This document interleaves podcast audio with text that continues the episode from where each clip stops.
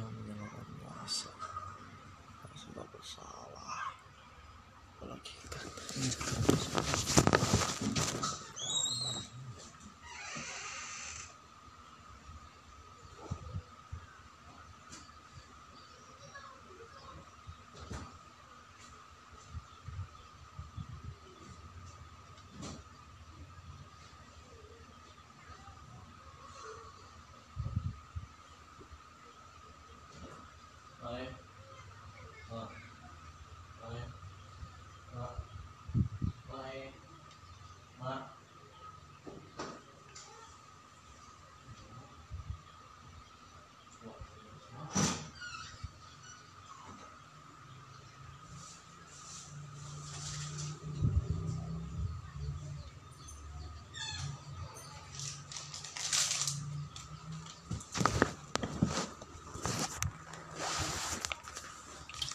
Thank you.